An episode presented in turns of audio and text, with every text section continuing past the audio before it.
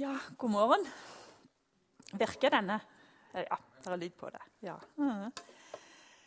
ja pusterom, sier Inger. Eh, vi har hatt eh, to taler allerede om pusterom i, for, for, i forhold til forskjellige ting. Eh, og jeg for min del har tenkt at dette med pusterom det trenger vi for å slappe av som mennesker vi er sånn lagt at vi har våre begrensninger når det gjelder krefter. Og vi er skapt til å jobbe noen timer, til å hvile litt, til å sove om natta. Og så tenker jeg, Som kristne så er det jo et nødvendig pusterom å, um, å ta tid med Jesus. Og jeg merker i mitt liv at når jeg ikke får det pusterommet, så er det noe som mangler. Så jeg tenkte at jeg skulle um, si noen ord om det i dag.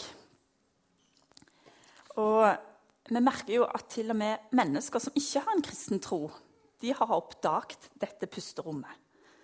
Um, vi ser at mennesker søker til meditasjon, dette med mindfulness, for de som har hørt om det. Um, for å være i stillhet med seg sjøl, kjenne etter hva som rører seg på innsida. Bli kjent med seg sjøl og um, få vekk det negative i sitt indre.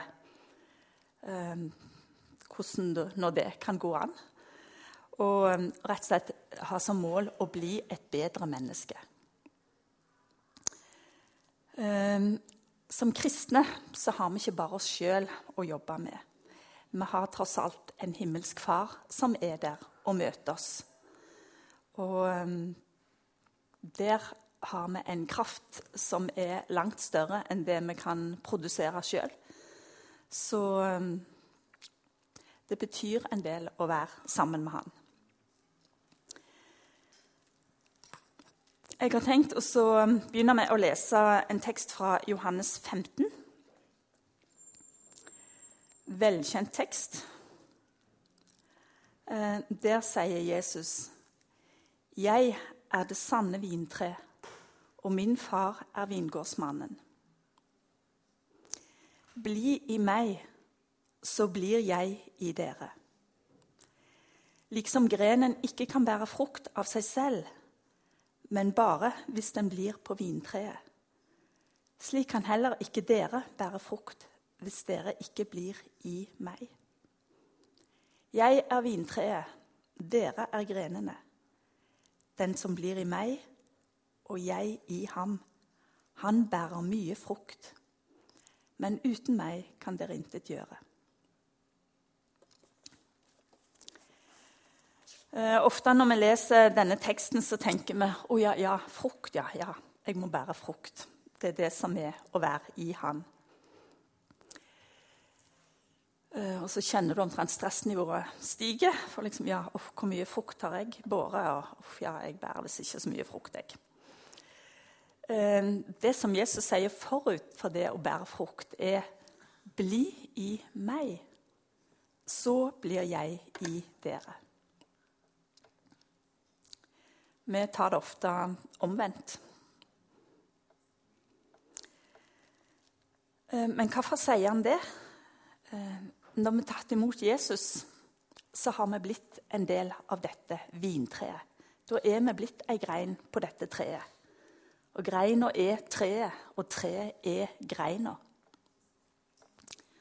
Og da, da, er vi jo der. Må vi gjøre noe for å bli værende? Eh, et naturlig tre mm, vil jo ha sine greiner. Og mm, Enten så er det ytre påvirkning som gjør at greinene detter av. At noen knekker greina. At det kommer en storm som gjør at greina knekker. Eller at treet blir sykt, eller at det er mangelfull tilførsel til ei grein, sånn at den visner. At de andre greinene er friske, mens det er ei grein som bare visner og detter av. Men her høres det ut som det er noe som Jesus pålegger oss. Bli i meg. Og hvordan i all verden gjør jeg det, da? Og det er her jeg tenker det kommer inn dette her med å ta tid med Jesus.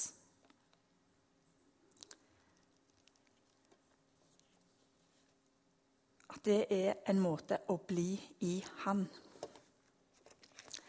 Han har kalt oss til seg i sin kjærlighet. Og Derfor så vil han at vi skal velge å bli hos han av fri vilje. Vi er ikke nødt til å være ei grein hele livet hvis vi ikke vil det.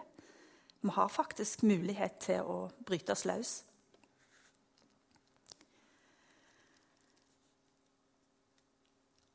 Jeg for min del har hatt en ganske travel vår. Det har vært mye kjekt òg. Eh, så jeg har valgt det sjøl. Og så kjenner jeg at eh, jeg har begrensninger når det gjelder hvor mye jeg klarer å gjøre. Eh, og så var jeg et sted og hørte en engelsk-anglikansk prest som snakket om det å ha lengsel etter Gud. Han har en spesiell tjeneste i det å ha mye åndelig veiledningssamtaler med mennesker. Eh, og han sier av og til når han begynner å snakke med mennesker og spør hva de lengter etter, så vet de ikke helt hva de lengter etter. Men etter noen runder så kommer de som regel fram til at de lengter etter dette intime fellesskapet med Jesus. Det er det som er den dype lengselen. Og jeg kjente når han sa det, så bare kjente jeg tårene med en gang. Ja, det er jo det jeg lengter etter. Jeg hadde eh, tenkt at ja, jeg skal bli godt med noen fridager uh, uten noe program. Og bare hvile, gjøre ting jeg har lyst til. Og så kjenner jeg at når jeg har det travelt, så blir det ofte at uh, jeg ikke får den tida med Jesus som jeg egentlig ønsker. Og selv om jeg har tid, så har jeg ikke den indre roen til å konsentrere meg og være der med han. Så det er like mye det det går på. For min del, i alle fall. Og så har jeg kjent det noen ganger i løpet av livet. At når jeg har gått uh, lenge på litt sånn uh, Og ikke fått det jeg trenger eh, i forhold til Jesus, og endelig da får tid å kjenne at han virkelig er der og møter meg, så er det som hvis du etter en slitsom dag på jobb eller en anstrengende fjelltur endelig får komme hjem, sette deg ned, for en god hvile og et solid måltid mat. Jeg bare kjenner at det tilfredsstiller så dype eh, behov i meg at liksom åh, dette var det jeg trengte. Og så er det som det brer seg i hele kroppen å kjenne at dette gjorde godt. Og da forstår jeg hvor mye hans nærvær betyr. For noen av oss så Eller oss, sier jeg nå. Så kjekt. Jeg vil heller si for noen av dere fungerer sikkert dette veldig bra. Dere har veldig gode vaner. Står opp gjerne hver morgen, tar alltid ei tid å lese i Bibelen og ber. Har gjerne ei bønneliste, ting dere ber for. Um, jeg er ikke alltid så strukturert, så det kan være litt av og på. Og det er ganske mange ting som kan eh, hindre oss faktisk i å ta den stille tida. Og jeg har sagt noe for min del. At når jeg føler meg stressa, så klarer jeg ikke helt koble meg på, selv om jeg skulle ha en times tid til overs. Uh, mye som mange opplever, er en hindring at åh, oh, ja, men livet er så travelt. Jeg har det så travelt. Så det å spandere en time og sette seg ned og bare be og lese i Bibelen, det blir ikke tid Eh, det å ha det travelt tenker jeg, går på konkrete gjøremål. Og det er ikke så vanskelig å si at jeg har det travelt. Eh, det er nesten litt status i det. Eh, når en skal avtale med noen, så, så, er det liksom Ja, jeg skal se hva tid, hva tid, og jeg har så fulgt opp, og nå skal jeg sjekke liksom, på kalenderen hva tid jeg kan få bytte dette inn. Og det å si at ja, ja, nei, jeg har god tid. Jeg, jeg har de fleste kveldene ledige, så det er samme for meg hva tid det er. Da vil jo folk tenke hva er det så galt med hun? Har god tid, ingenting å gjøre. Hva er det hun bruker livet til? Så um, det er liksom litt mer status å si at jo, jeg har mye å gjøre. Um, en annen måte å si det på er stress. At en er faktisk såpass stressa At jeg ikke eh, har tid eller eh, konsentrasjon til å sette meg ned. Det er ikke så status å si det. At nei, jeg får ikke lese så mye i Bibelen jeg, har bedt så mye, for jeg er alltid så stressa. For det går mer på meg som person, hvordan jeg takler travelheten. At jeg bekymrer meg mye. Jeg er ikke så flink til å planlegge og få ting unna på en god måte. Ehm, jeg takler rett og slett ikke å ha for mange gjøremål. Og det sier noe om meg. Og det er ikke så kjekt, da. Og jeg er nok en av de siste som ikke liker å ha det for travelt, for da stresser jeg.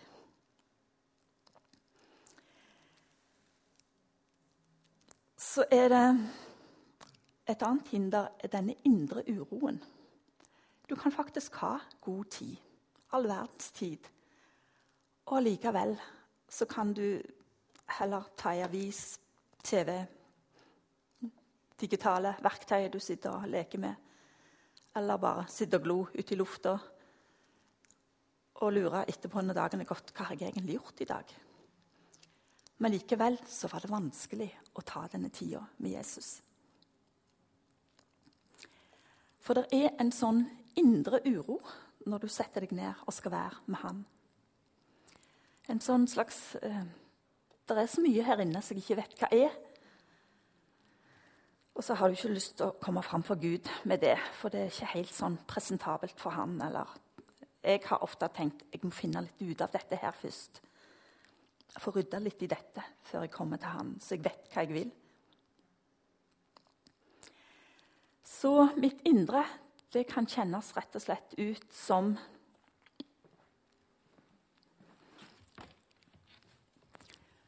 Som dette klesskapet her, som har brukt et par søndager nå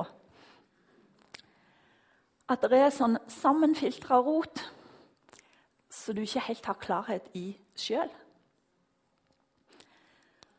Uff, ja, Gud, det skulle ha vært rydda. Det er mye inni der som egentlig ikke skulle ha vært der. Som skulle ha vært kasta. Eh, som skulle ha vært vekke fra livet mitt. Eh, en del av det er faktisk ikke rent tøy heller. Det er skittentøy. Men jeg har liksom bare ikke fått sortert ut og putta det i vasken ennå. En del av det er rent tøy, men det har ligget sånn sammenkrølt, så det er litt krøllete. Og så er det nok noe jeg aner skal være der inne. Men fordi det er så rotete, så er det vanskelig å finne det. Og få plukket det ut. Ved et blikk inn der så får jeg ikke øye på det umiddelbart. Jeg må ta ut alt og virkelig sortere det for å finne det. Og det er så mye arbeid.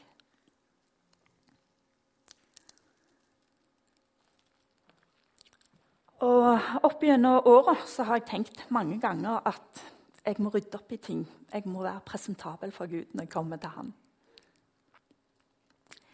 Til jeg etter hvert har skjønt at jeg får heller bare komme med det som er.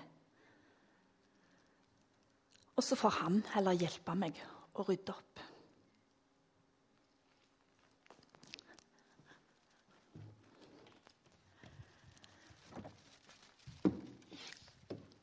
Hvis jeg skulle gå og vente til livet mitt er sånn ryddig og pent, der alt er på G, der alt er fint sammenbretta, henger fint, har sin plass, så kunne jeg aldri kommet til han. Jeg kommer aldri til det punktet i livet. Jeg er et menneske.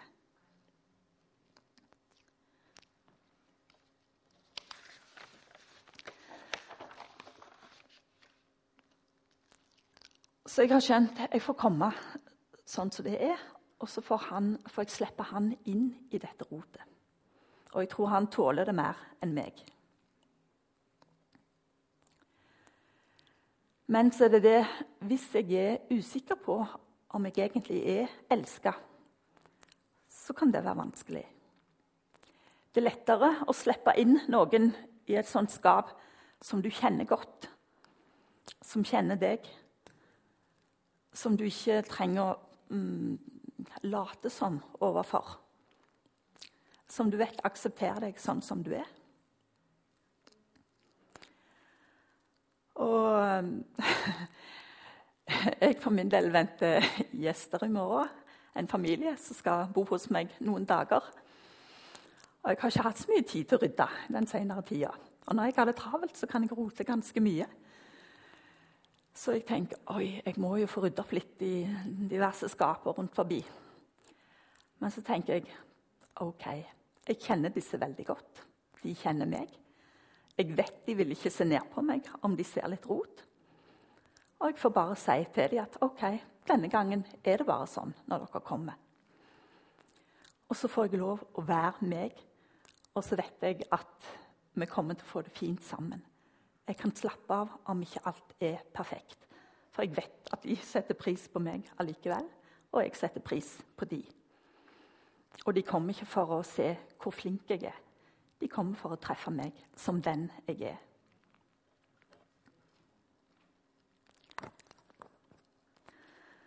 Og det har med kjærlighet å gjøre. Og vi kan gjerne tro at Gud er glad i meg når jeg, når jeg har det sånn som i det klesskapet der. Men å virkelig hvile i Han, at han er like glad i meg når det ser sånn ut Kanskje ikke du er helt der ennå.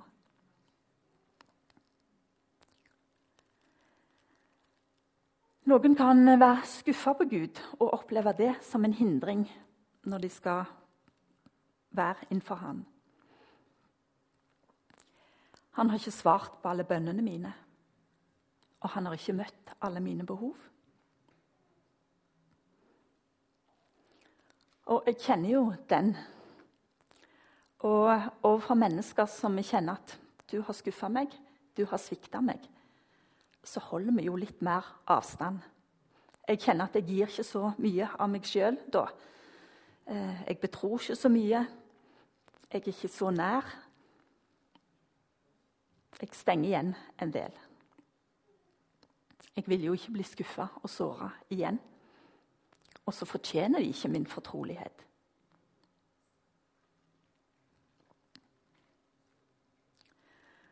Og Noen ganger så har jeg tenkt at ja, i dag er jeg bare ikke sånn helt sånn åndelig modus. Jeg er bare ikke helt der. Så i dag tror jeg at jeg kutter ut. Til en dag jeg føler meg litt mer åndelig. At jeg bare er sånn inni meg at det er naturlig å komme til Han. Og noen plasserer faktisk seg sjøl i bås og sier at jeg er bare ikke sånn åndelig type. jeg. Så det ligger ikke så veldig for meg, dette her med å be så mye og lese i Bibelen og lytte til Gud. Så blir det en sånn negativt budskap til seg sjøl som eh, forsterker seg for hver gang du sier det, og så tror du på det. At dette her er ikke helt for meg. Men hvis eh, hvis Gud har frelst deg, så er han virkelig interessert i kontakt med deg.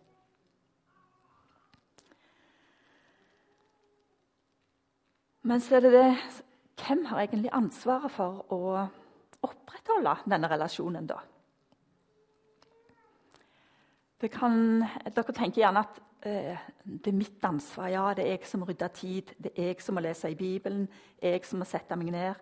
Jeg som må be. Jeg, jeg. Og så kan det nesten bli som, eh, som om Gud hadde pålagt oss dette her som en plikt.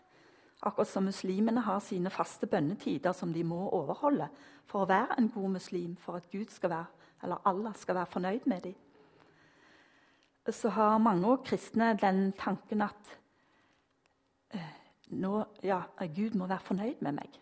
Og når jeg har lest mye i Bibelen en dag, ja, ja, nå må vel Gud være fornøyd. Nå kan jeg ha god samvittighet overfor ham. Og så er det strengt tatt ikke det det går på. Vi trenger dette her for vår del. Og når jeg satt og jobba med prekenen, så skrev jeg det. Ja, vi trenger dette for vår del. Nei, vi trenger dette mest for vår del. Og så stoppet jeg opp. Om det var Gud som stoppet meg, eller det var jeg som kom på det, det vet jeg ikke. Det var kanskje han. Men Gud har en mye større lengsel etter oss å være sammen med oss enn vi forstår. Så det er ikke bare jeg som skal ha en lengsel etter å være med han for at han skal bli fornøyd. Men jeg tror aldri vi klarer helt å fatte ut at han som er Gud, har et behov, en lengsel etter å være sammen med meg. Og der kjenner jeg at uh, det det står i Jesaja, Guds tanker er høyere enn våre tanker. Ja, så høyt som himmelen over jorden er Guds tanker over våre tanker. Så det svimler litt for meg å tenke den tanken. Men jeg tror at den er sann. Hvorfor skulle han ellers frelse oss? Hvorfor skulle han ellers gi Jesus for å opprette fellesskapet med seg igjen? Hvorfor skulle han betale en så dyr pris?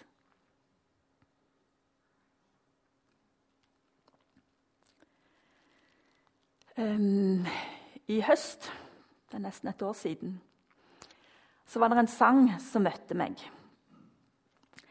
Uh, av Goethe Strandsjø, en svensk sangforfatter.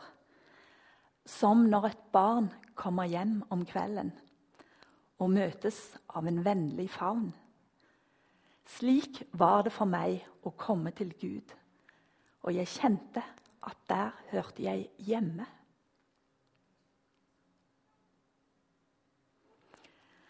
Og den sangen har svevet litt i meg hele vinteren. Er jeg egentlig hjemme når jeg er hos Gud? Kjennes det sånn ut? Møter jeg denne vennlige favnen?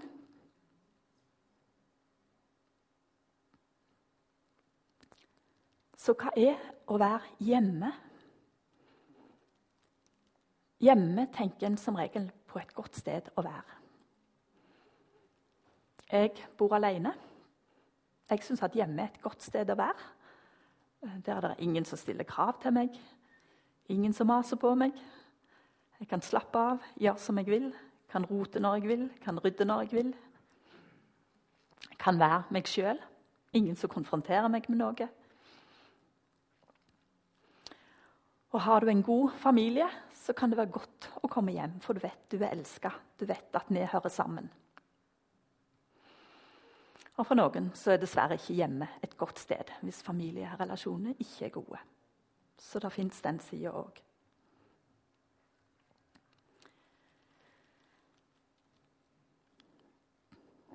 Men det er lettere å gå hjem hvis du vet at det venter en vennlig favn enn hvis de ikke gjør det. Hvis det bare møter krangel eller tomhet og ensomhet, at det er ingen som tar imot deg.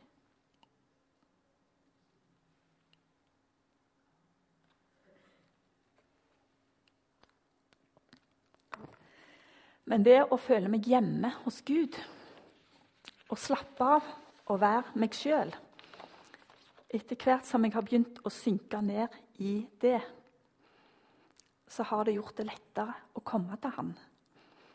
Jeg må ikke forberede meg eller jekke meg opp og bli noe spesielt åndelig eller noe annet eller mer enn det jeg er. Jeg går sånn som jeg er.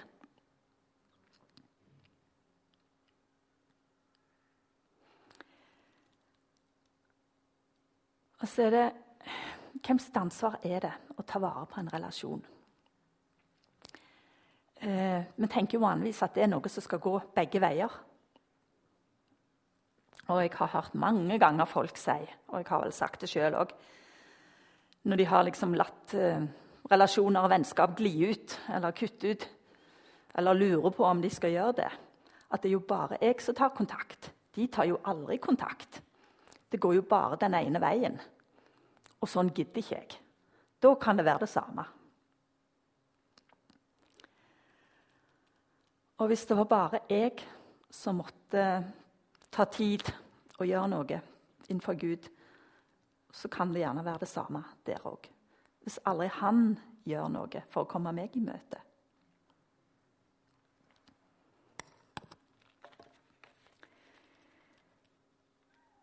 Ehm, jeg har Merkelig nok, etter så mange år som kristen, så møter jeg mer og mer min menneskelige begrensning. Det har ikke blitt sånn at jeg leser mer og mer i Bibelen, og at jeg ber lenger og lenger år for år. For nå går dette her så bra. Jeg har kjent mye på min menneskelighet og de begrensningene som det medfører. Eh, og Det gjør at jeg ikke klarer å holde meg sånn veldig innen disse herrene, strukturene som mange setter opp. At ja, Du må stå opp tidlig om morgenen, du må lese så og så mange kapitler, og du må bruke så og så mye tid til bønn. Og du må helst ha ei liste med bønneemner, så du kommer gjennom hver dag. Jeg har aldri blitt god på det der. Og um, nå er jeg faktisk av de som er litt morgenfugl. Men allikevel så har jeg opplevd mange ganger at jeg kan være trøtt. At jeg trenger litt tid til å våkne, til bare å komme meg i gang. Og da er det ikke alltid at jeg eh, orker å be så mye. At jeg orker å lese i Bibelen. Så jeg kan stå opp grytidlig, ha god tid før jeg går på jobb. Og sitte der og spise frokost og ha veldig god tid. Og så blir det så som så med bønnen. Så sitter vi der og spiser frokost i stillhet, jeg og Jesus.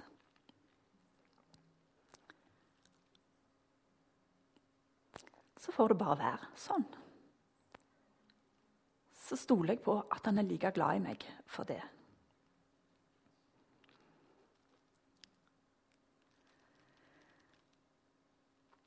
Jeg er med i forbønnstjenesten her i kirka.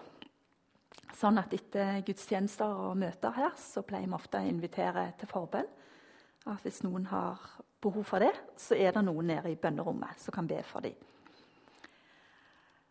Og jeg skal innrømme at uh, når en har liksom denne bønnetjenesten på det faste liksom, en søndag i måneden, så har det hendt at jeg har kjent at i dag er jeg ikke helt der Jesus. Jeg vet jeg har ingenting å gi til folk.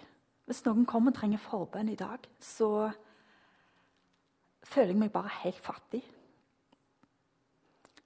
Og jeg har til og med noen ganger åh, jeg håper det ikke kommer noen i dag, Jesus. Jeg er ikke i stand til å be for noen. Og så har det jo kommet noen da allikevel. Og så er det bare alt snur. Idet jeg begynner å be, så bare kjenner jeg at Jesus er der at han møter. Og Det som jeg vil si med det, er at han òg tar eh, initiativ til å opprettholde dette, dette vennskapet mellom oss, denne relasjonen. Jeg må ikke sitte mange timer før jeg går og skal ha forbønnstjeneste og be en hel masse og jekke meg opp og bli sånn superåndelig. Jeg kan få lov å gå akkurat sånn som jeg er, og så kommer han. Og det har ingenting med fortjeneste å gjøre. Det er hans nåde. Og Jeg har opplevd mange ganger at han har kommet meg i møte uten at jeg har satt meg ned med folda hender og en åpen bibel og satt av tid. Eh, jeg har noen ganger opplevd når jeg eh, står på vei og skal ut, har fått på meg yttertøyet liksom, og skal ut, og så og så plutselig så bare kommer han. Og så er det et eller annet som slår ned i meg, som han viser meg. Og så hender det til og med tårene kommer hvis det er veldig sterkt. Og så må jeg bare sette meg ned og være litt med Gud. Og så må jeg si åh, egentlig har jeg ikke tid til dette, her Gud, nå. Hvorfor kom du akkurat nå? Og så er det bare så utrolig sterkt og godt. Og det tenker jeg Det er jo Hans nåde. Jeg har jo ikke fortjent dette her. Jeg har ikke jobba noe spesielt for at jeg skulle få oppleve dette nå.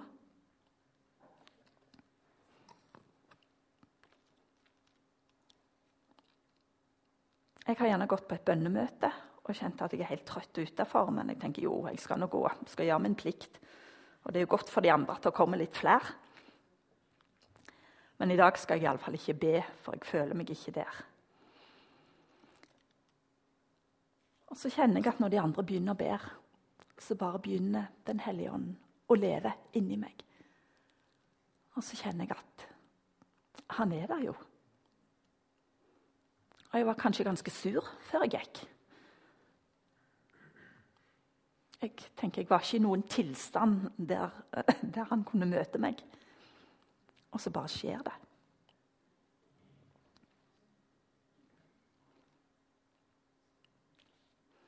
Og når jeg leser Bibelen, så kan jeg kjenne noen ganger at det er tørt. Det gir meg ikke alltid like mye.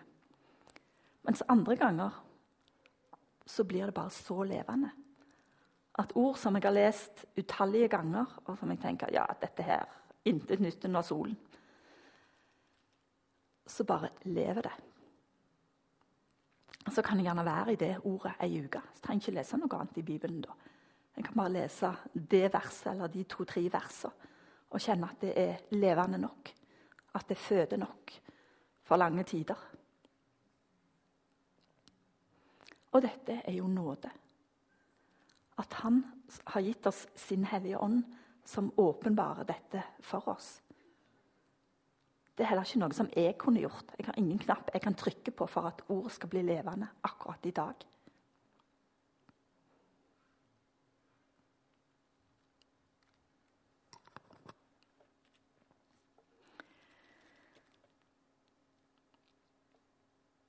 Jeg snakket litt med Kjell Erik Bergjord, som går her i kirka, som mange av dere kjenner. Ehm, og ehm, han har vært mye syk i vår, men nå begynner det å bli bra. Så nå er han over det, sier han.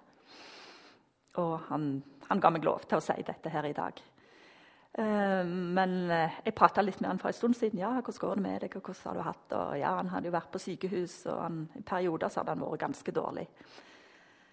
Og så sa han men det merkelige var at når jeg lå der på sykehuset og, og var dårlig, så jeg, jeg orka rett og slett ikke be. Og jeg orka ikke lese i Bibelen heller.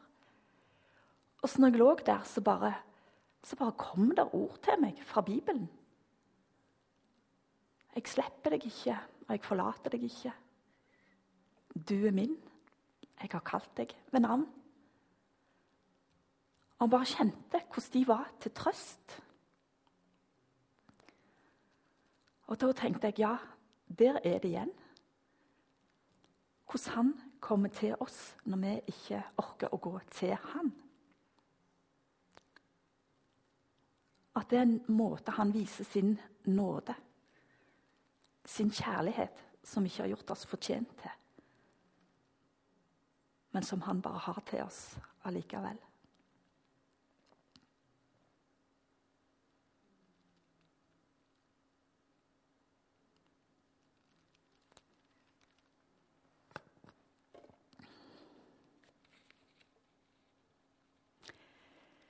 Når jeg drev og forberedte denne talen her, så um,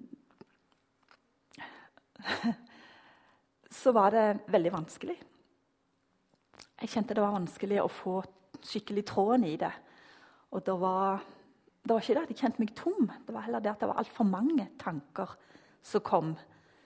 Så det ble bare rot av det. Jeg ville helst det skulle være sånn med en gang. For dere som hører på, måtte jo ikke oppleve at dette var en rotete preken. Dere måtte jo få noe ut av det. Klare tanker. Og så måtte jeg bare legge det vekk. Og så bare satte jeg meg ned og så tenkte jeg, nei, jeg la meg ned. Tenkte Nå må jeg bare hvile og koble ut. Og så må jeg rett og slett bare ivareta min egen relasjon til Jesus. Uten å tenke at jeg skal forberede preken. Men så når jeg lå der, og var liksom litt sånn nullstilt, så, um, så sier jeg til Jesus Hva er det egentlig du vil eh, at jeg skal gi dem? Hva er det egentlig som er kjernen i dette budskapet som skal komme fram? Og da kom det til meg med en gang. La de få kjenne varmen fra mitt hjerte.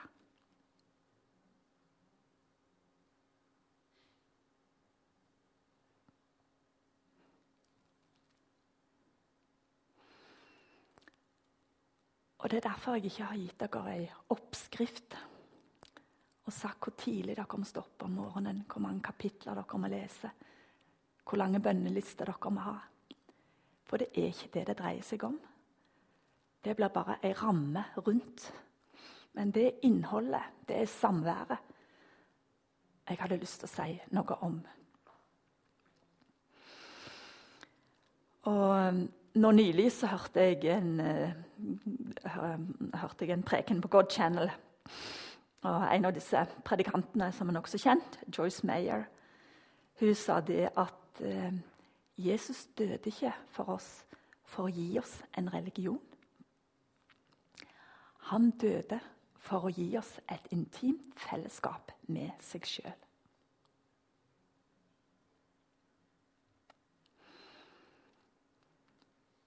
Så sitter du kanskje og tenker at 'jeg er ikke helt der'. Men hvis jeg har fått være med på å skape en lengsel hos deg i dag så var det målet. Så har denne talen hatt en hensikt. For hvis du begynner å lengte, så er du på vei inn i det. Og hvis du har fått revet ned alle disse gale tankebygningene om hvordan det er å komme inn fra Jesus, så har det òg hatt en hensikt at du var her i dag. skal vi be sammen.